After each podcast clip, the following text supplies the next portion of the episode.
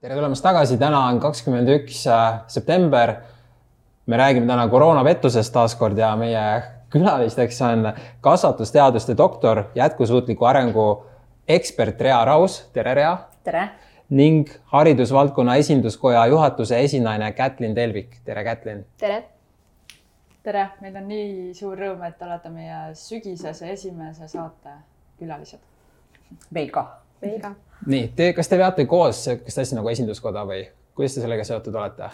Mm, mina olen siis esinduskoja esinaine mm, -hmm. et äh, asutaja koos tegelikult Tarmo Oleviga ja Rea on siis meie liige. mille üle meil on väga hea meel.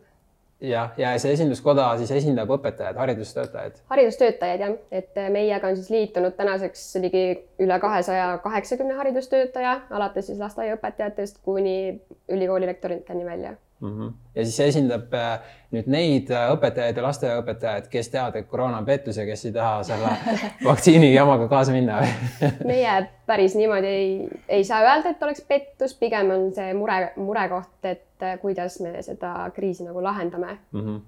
et kuidas me, et kõigil oleks hea okay.. et kõik oleks nagu. ma saan aru, et siis seisate selle eest, et inimesi ei, või siis täpsemalt haridustöötajaid ei sunnitaks vaktsineerima see on üks asi, mille eest te seisate mm. -hmm. aga kuidas nüüd, kui õpetaja, kes näeb seda videot, tahab ka kuidagi teiega liituda või mis ta mhm. peaks tegema või mis tal need õigused on? ja meiega saab liituda, et meie kodulehel esinduskoda.ee on siis olemas liitumisankeet ja tuleb tasuda liikmemaks, täita see ankeet ja siis me saadame edasised juhised. aga kui nüüd inimene näeb seda videot meil siin, õpetaja või lasteaiaõpetaja ja tahab teie MTÜ-ga liituda, siis kuidas teie saate teda aidata, mida teie teete tema jaoks? Et meie eesmärk ongi siis äh, neid, kuna murekohad on hästi-hästi sarnased praegu, et enamikul on ju ühed ja samad murekohad haridusvaldkonnas, et siis meie üritame tagada sellist õiguslikku abi, milles me teeme siis koostööd advokaadibüroo Pallo ja partneritega. et äh, paljudel õpetajatel on hästi segane ja ka koolijuhtidel on segane, et mida nad siis tegelikult seaduslikult äh, nõuda võivad või mida nad on siis seaduslikult kohustatud tegelikult tegema. et praegu on nii palju erinevaid piiranguid, kohustusi, nii-öelda kohustusi pandud peale, et kuidas siis nagu asjad tegelikult on, et selles osas me saame siis nagu aidata mm. -hmm. nii ja Rea, mis sinu roll seal on? mina olen hariduskoja liige, nii nagu tõesti ligi kolmsada õpetajat ja haridustöötajat teisedki.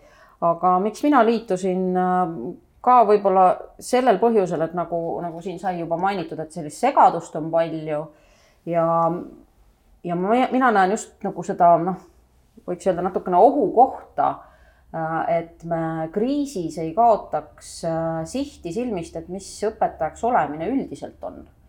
et sellise pedagoogilise eetika küsimused on tulnud nagu väga teravalt päevakorda ja, ja noh, võib-olla ei olegi äh, esinduskoja roll mitte ainult nüüd see vaktsineerimisteema, mida siin juba mainitud oli, aga just noh, nagu hoida seda, seda fookust ka meie laste vaimsel tervisel, õpetajate vaimsel tervisel et me sellisel turbulentsi ajal ei, ei rikuks iseenda ja, ja noh, ammugi mitte oma õpilaste sellist heaolu.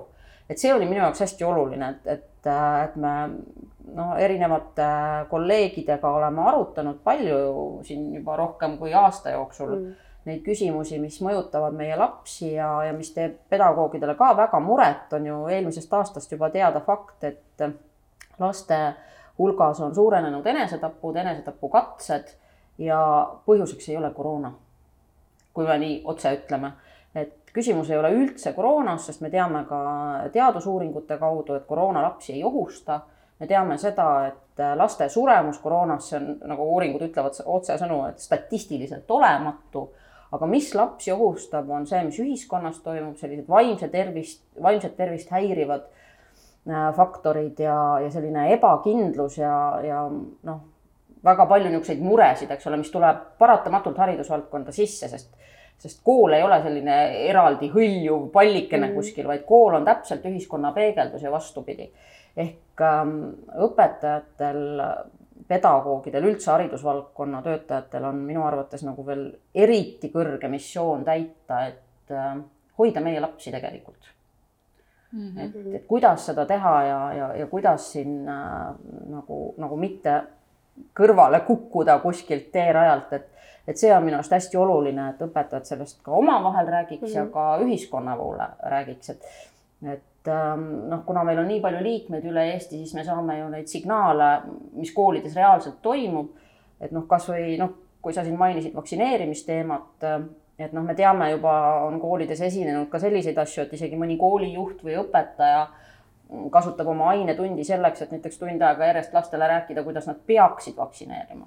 aga mida te siis ette võtate, kui te saate niisuguse signaali õpetaja käitumisest? no, no mina saan anda oma kommentaari, eks, mida ma arvan sellisest asjast, eks, et et tegelikult on niisugune kirjutamata seadus äh, koolis ju üldse, et, et õpetajal puudub tegelikult õigus teha noh, ükskõik millist ajupesu, eks ole. me võime ise uskuda mida tahes, me võivad olla erinevad arvamused, aga noh, ma toon lihtsalt võib-olla selle lihtsa näite taimetoitlusest, et kui mul on taimetoitlusest õpilane mm., siis ma ei saa talle öelda, et kuule, lõpeta ära, hakka kohe liha sööma, eks ole.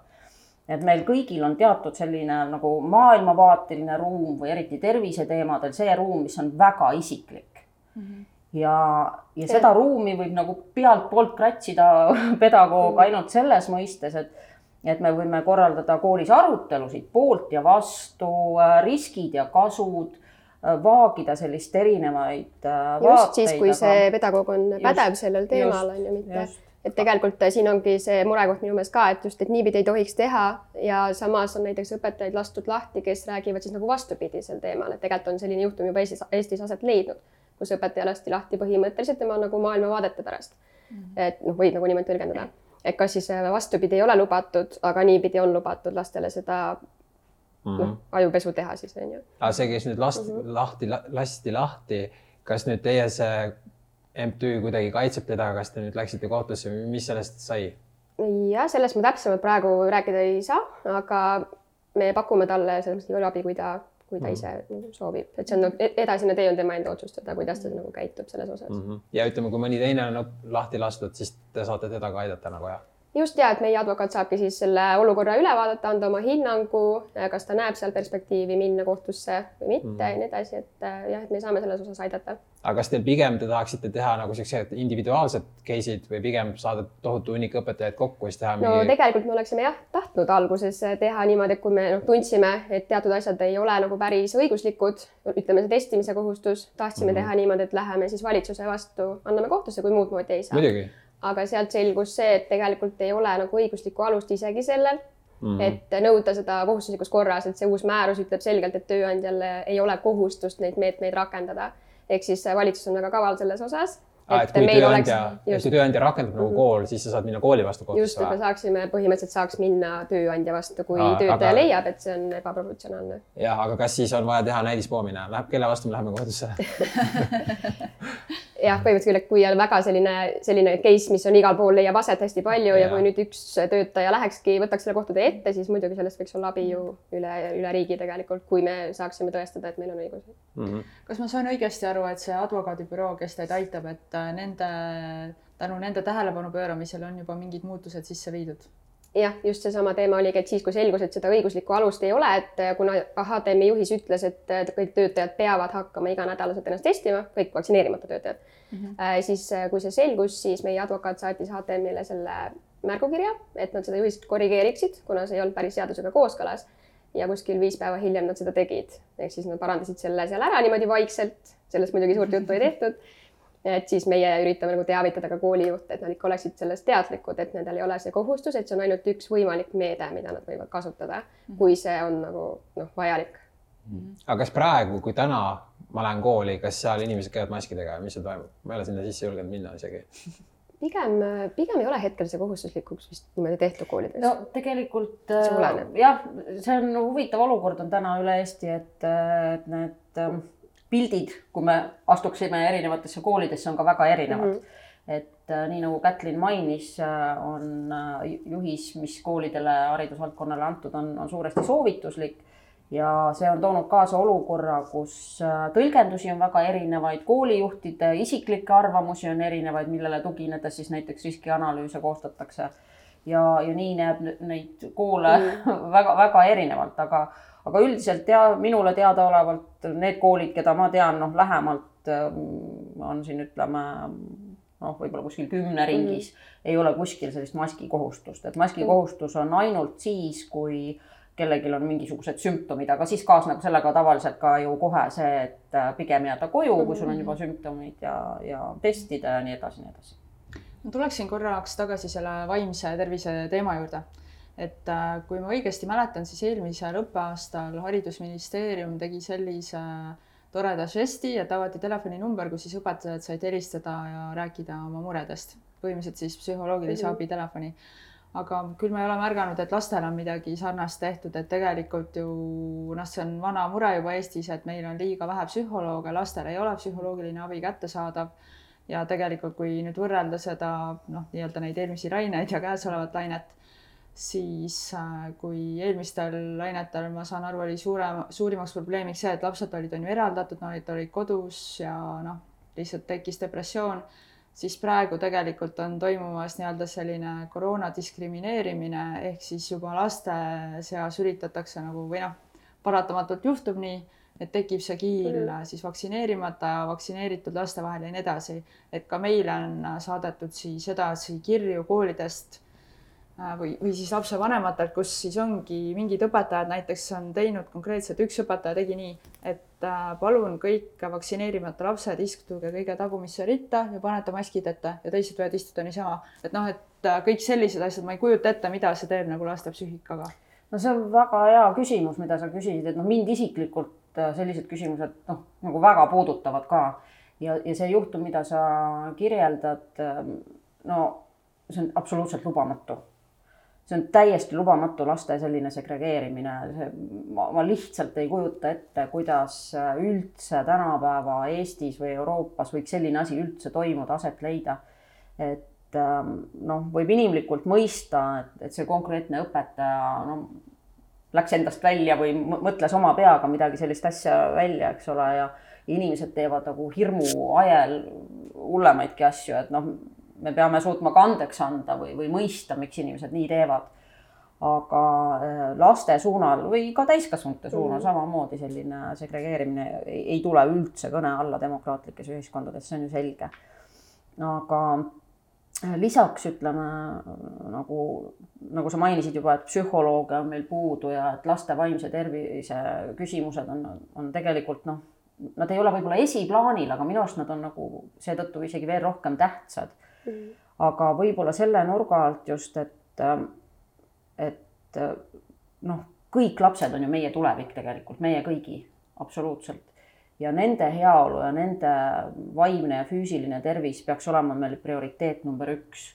ja me teame, et koroona nende füüsilist tervist ei ohusta me ei saa tuua üksikuid näiteid, mõni inimene võib auto alla ka jääda, eks ole, aga me ei lõpeta autoga sõitmist seetõttu et samamoodi koroona puhul mõni üksik laps võib ka raskelt põdeda seda, aga, aga see ei tähenda, et me sisuliselt sellise vaimse mm. terrori kehtestame kõikidele lastele.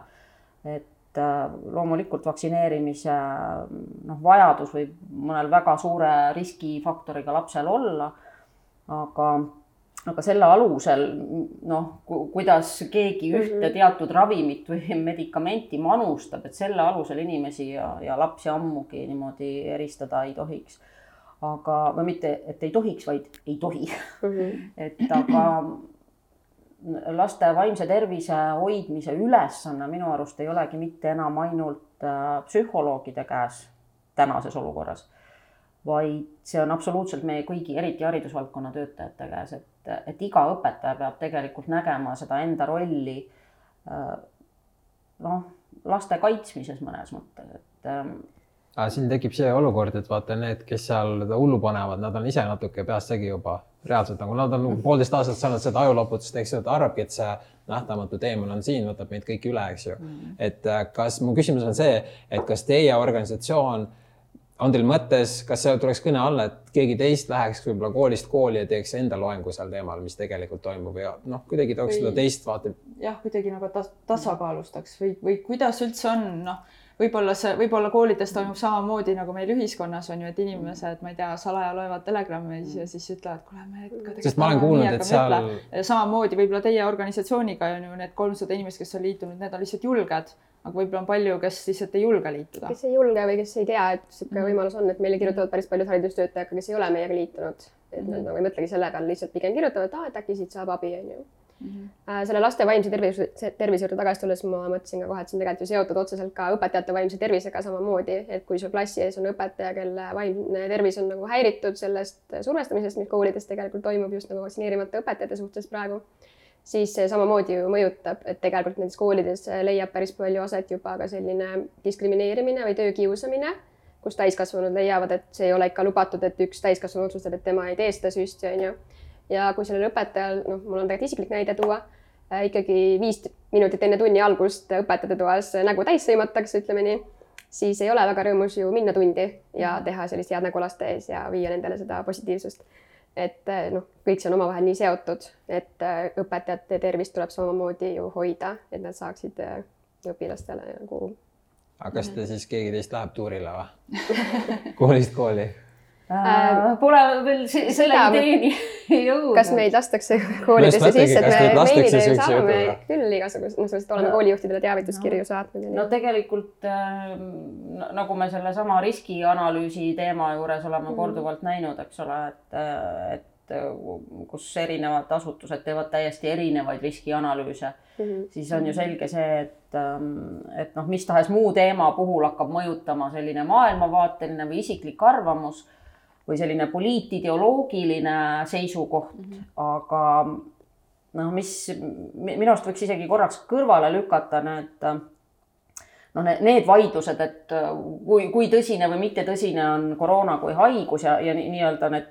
meditsiinilised küsimused, vaid äh, järjest rohkem peaks hakkama ikkagi kõva häälega rääkima nüüd sellest, mis, mis on meie inimeseks olemise noh, kese ehk tegelikult ju vahet ei ole, kui me, kui me räägime haridusasutusest, kasvatusasutusest, me peame suutma pakkuda meie lastele sellist haridust, mis valmistab neid ette tulevaseks eluks ka siis, kui on mingid muud kriisid, ei mm. pruugi olla koroonakriis, mingisugune muu kriis, mis võib, võib ühiskondi tabada. äkki tuleb päris kriis mis iganes kriis võib meid, meid tabada, kas ka isikliku elu kriis või, või ühiskondlik, aga mm., aga et kuidas selles kaoses nagu, nagu inimlikkust säilitada, et, et see on ju kõige tähtsam, et me ei kaotaks oma seda inimlikku nägu, mis on nii kerge kaduma, et et äh, neid paralleele on juba küll ja küll toodud, küll küüditamisperioodiga või, või Natsi-Saksamaaga, need ohumärgid on ju täiesti mm. olemas, eks. et see, kui keegi läheb kuskil kaupluses teisele inimesele kallale, sellepärast et tal ei ole maski äh,, me unustame ära, et äh, sa ei tea sellest teisest inimesest mitte midagi, sa ei tea tema tervislikust seisundist ja sul ei ole absoluutselt mm. õigust kellelegi teisele isegi mitte öelda mitte midagi selles küsimuses, et et me nagu need asjad unustame ära, et, et see on see, mida hariduses ja kasvatuses peaks nagu noh, täiesti kõvasti kinni hoidma. Ja, ja ma arvan, et kui me seda suudaks ühiskonnana ja koolis, et meil jääks väga palju konflikte ja probleeme olemata. kas te olete mõelnud, milline võiks teie organisatsioon olla kümne aasta pärast, ütleme sellises olukorras, kus mingit koroonat, mitte midagi sellist jama ei ole kas, kas, mis selle jutu peale praegu mõtlen, et tegelikult peaks ju koolis olema üldse nagu vaimse hariduse tunnid ja nii edasi, siis võiks ju kasutada, meil oleks vaja õpetajaid ja nii edasi. meil põhiprobleem on see, et need õpetajad, kes seal koolis on, nad ei tea ise paremini, eks ju. et meil oleks nagu justkui šamaane vaja sinna koolidesse laiali saata, eks ju. noh, sellest on ju tegelikult juba väga palju räägitud ja aina enam räägitakse ka avalikult, et kool ju siis noh, keskendub hästi palju välisele, on ju, õpime kõike seda, mis on väliselt, inimene just täpselt seesama, et me ei õpi seda inimlikkust.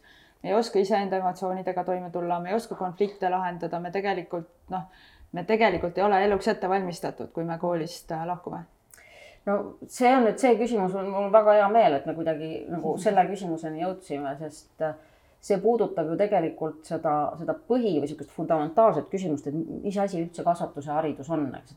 miks me üldse siin maamuna peal oleme inimestena, kes me oleme? Need on need küsimused, millele me igapäevaselt ei ei pööra tähelepanu, aga, aga mille osas on ka Eesti kasvatusteadlased äh, sõna võtnud, et me kuidagi hariduses oleme hakanud kaotama seda inimese hingelis-vaimse arengu küsimust.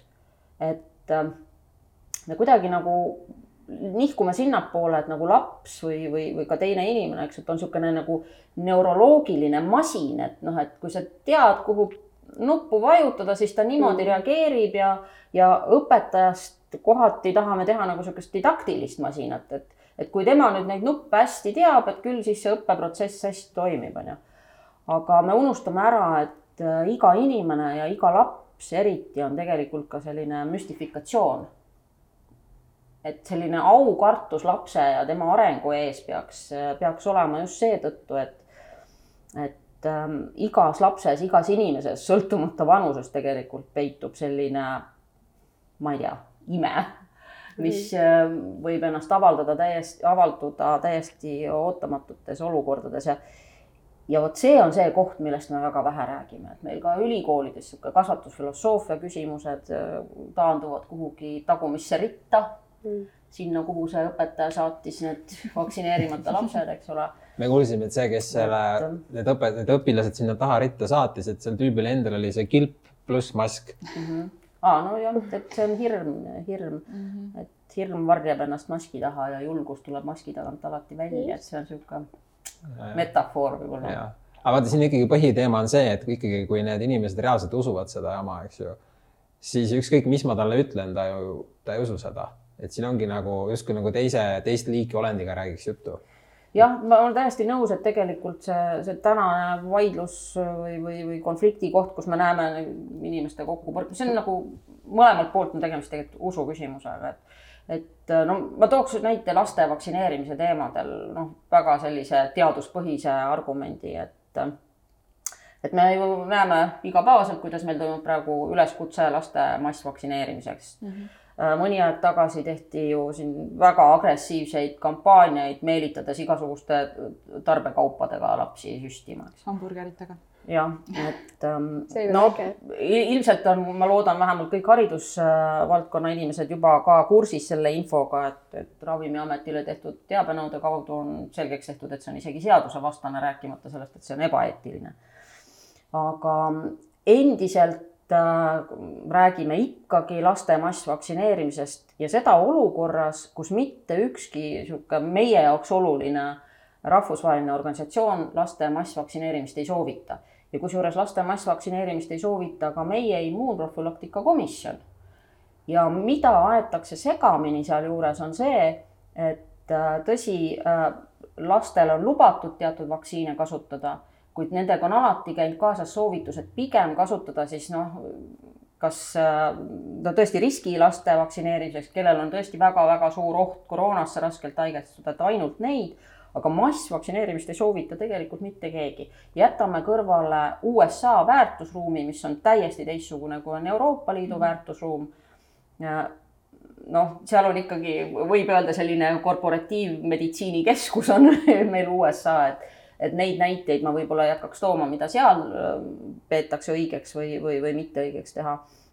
aga Euroopa Liidu äh, väärtusruumis tõesti ei ole ka suure otsimise peale leidnud ühtegi sellist organisatsiooni või, või äh, vaktsineerimiskomisjonide seisukohti, mis ütleks, et, et laste massvaktsineerimine on okei okay. ja mhm. samas see meil igapäevaselt toimub ja julgen öelda, et see ei ole teaduspõhine otsus ja ja samal ajal toimub see ju... täiesti niisugune poliitilise või, või sellise Just. ideoloogilise mm, ja pinna. on ju nii palju teadusuuringuid või noh, mis juba tõestavad ju seda, et läbipõdemise teel saavutatud immuunsus on tugevam ja kestab kauem mm. -hmm. ja lapsed, kes üldiselt põevad ju väga kergelt seda haigust, et siis milleks on vaja neid massiliselt vaktsineerida, las nad lihtsalt põevad selle läbi mm -hmm. ja on nagu rahu majas. no kuidas teie organisatsioonina saate veel nagu äh, kuidas teie julgustaksite õpetajaid enda eest ja enda õpilaste eest seisma, et mitte, mitte lihtsalt, et seiske õpilaste eest, kes ei vaktsineeri ja kes ei kanna maski, aga üldse kõigi eest, et et vähemalt koolides nagu sellist lõhestamist niimoodi ei toimuks? nojah, julgustakski selles mõttes, et äh, kui õpetaja tunneb, et äh, midagi on valesti või et, äh, et see ei ole õige, mida nõutakse või õpilastele, õpilastelt nõutakse, siis tulekski kuidagi sellest nagu märku anda, võtta üles, tõsta see arutelu et paljud õpetajad ei julge, võib-olla ka sellepärast, et noh, me oleme ju jagunenud üle riigi sedasi laiali, et igas koolis on võib-olla mõni üksik, kes niimoodi mõtleb või tunneb, et hästi raske on ennast üksi seal kehtestada. et äh, pigem nagu noh, ei hakata sellest rääkima, et hoid-, säästa ennast. aga ma ikkagi jah, julgustaks seda tegema, et see on praegu niivõrd oluline, oluline teema mm. -hmm. aga ütleme, kui näiteks toimuks selline äh, Äh, suur üleriigiline meeleavaldus, kuhu tuleksid kõik igasugused erinevad inimesed kokku, kas siis õpetajad võiks ikka tänavatele astuda? kui jah, ma arvan, et kui selle meeleavalduse selline sõnum on õpetajaid kõnetav ja noh, jah, ma arvan küll, et selles praegu on üpriski juba selline aeg, kus kui muidu kuulda ei võeta, siis tasuks välja tulla. mulle meeldib see. aga noh, ma lisaks siia võib-olla selle üleskutse ka veel, et, et üks asi on õpetajate poole mm. -hmm pöördumine, aga nagu sa ütled ka, eks ole, et äh, mõnes koolis on meie liikmeid võib-olla ainult mõni inimene, et noh, see on inimlikult mõistetav, et noh, väga raske on kuidagi võtta sõna, eks ole, niisugustes äh, konfliktsetes mhm. küsimustes. aga ma kutsuks üles pigem koolijuhte ja tööandjaid, et, et väga pragmaatilisel põhjusel äh, iga töötaja, sõltumata valdkonnast, on see haridus või mingi muu valdkond, iga töötaja annab oma töö parima panuse ainult sel juhul, kui tal on töö juures nagu hea ja mõnus töötada. kui tal ei ole hirmu, kui tal ei ole stressi, kui tal ei ole muresid, et muidu ta lihtsalt nii-öelda tiksub selle aja kuidagi ära, aga kui me tahame tööandjana saada oma töötajalt parimat tulemust, siis tegelikult on ka tööandjatel väga suur väljakutse ja vastutus täna suruda alla nii-öelda oma isiklik arvamus, sõltumata sellest, milline see on ja püüda maksimaalselt oma, oma töötajaid mõista, aidata, toetada selleks, et need töö tulemused tuleksid head, ole sa siis ükskõik kui suur ärihai või, või koolijuht, et koolijuhil, noh, kuna ma ise olen haridusvaldkonna inimene, siis, siis ähm, juba õpilaste vaimse tervise teema peaks olema nagu number üks prioriteet, millega tegeleda, et et seetõttu nagu tööandjatel on, on väga palju vastutust ja, ja kohustust ja missiooni. aga, aga nüüd seesama raske mhm. küsimus, et kuidas oma isiklikust sellest äh, maailmavaatest nagu natuke väljapoole vaadata ja mõelda, et see, see meie kõigi vaimne tervis on oluline, et see, see on juba igaühe oma oskuse küsimus, kuidas mhm. seda suudetakse teha. Mhm.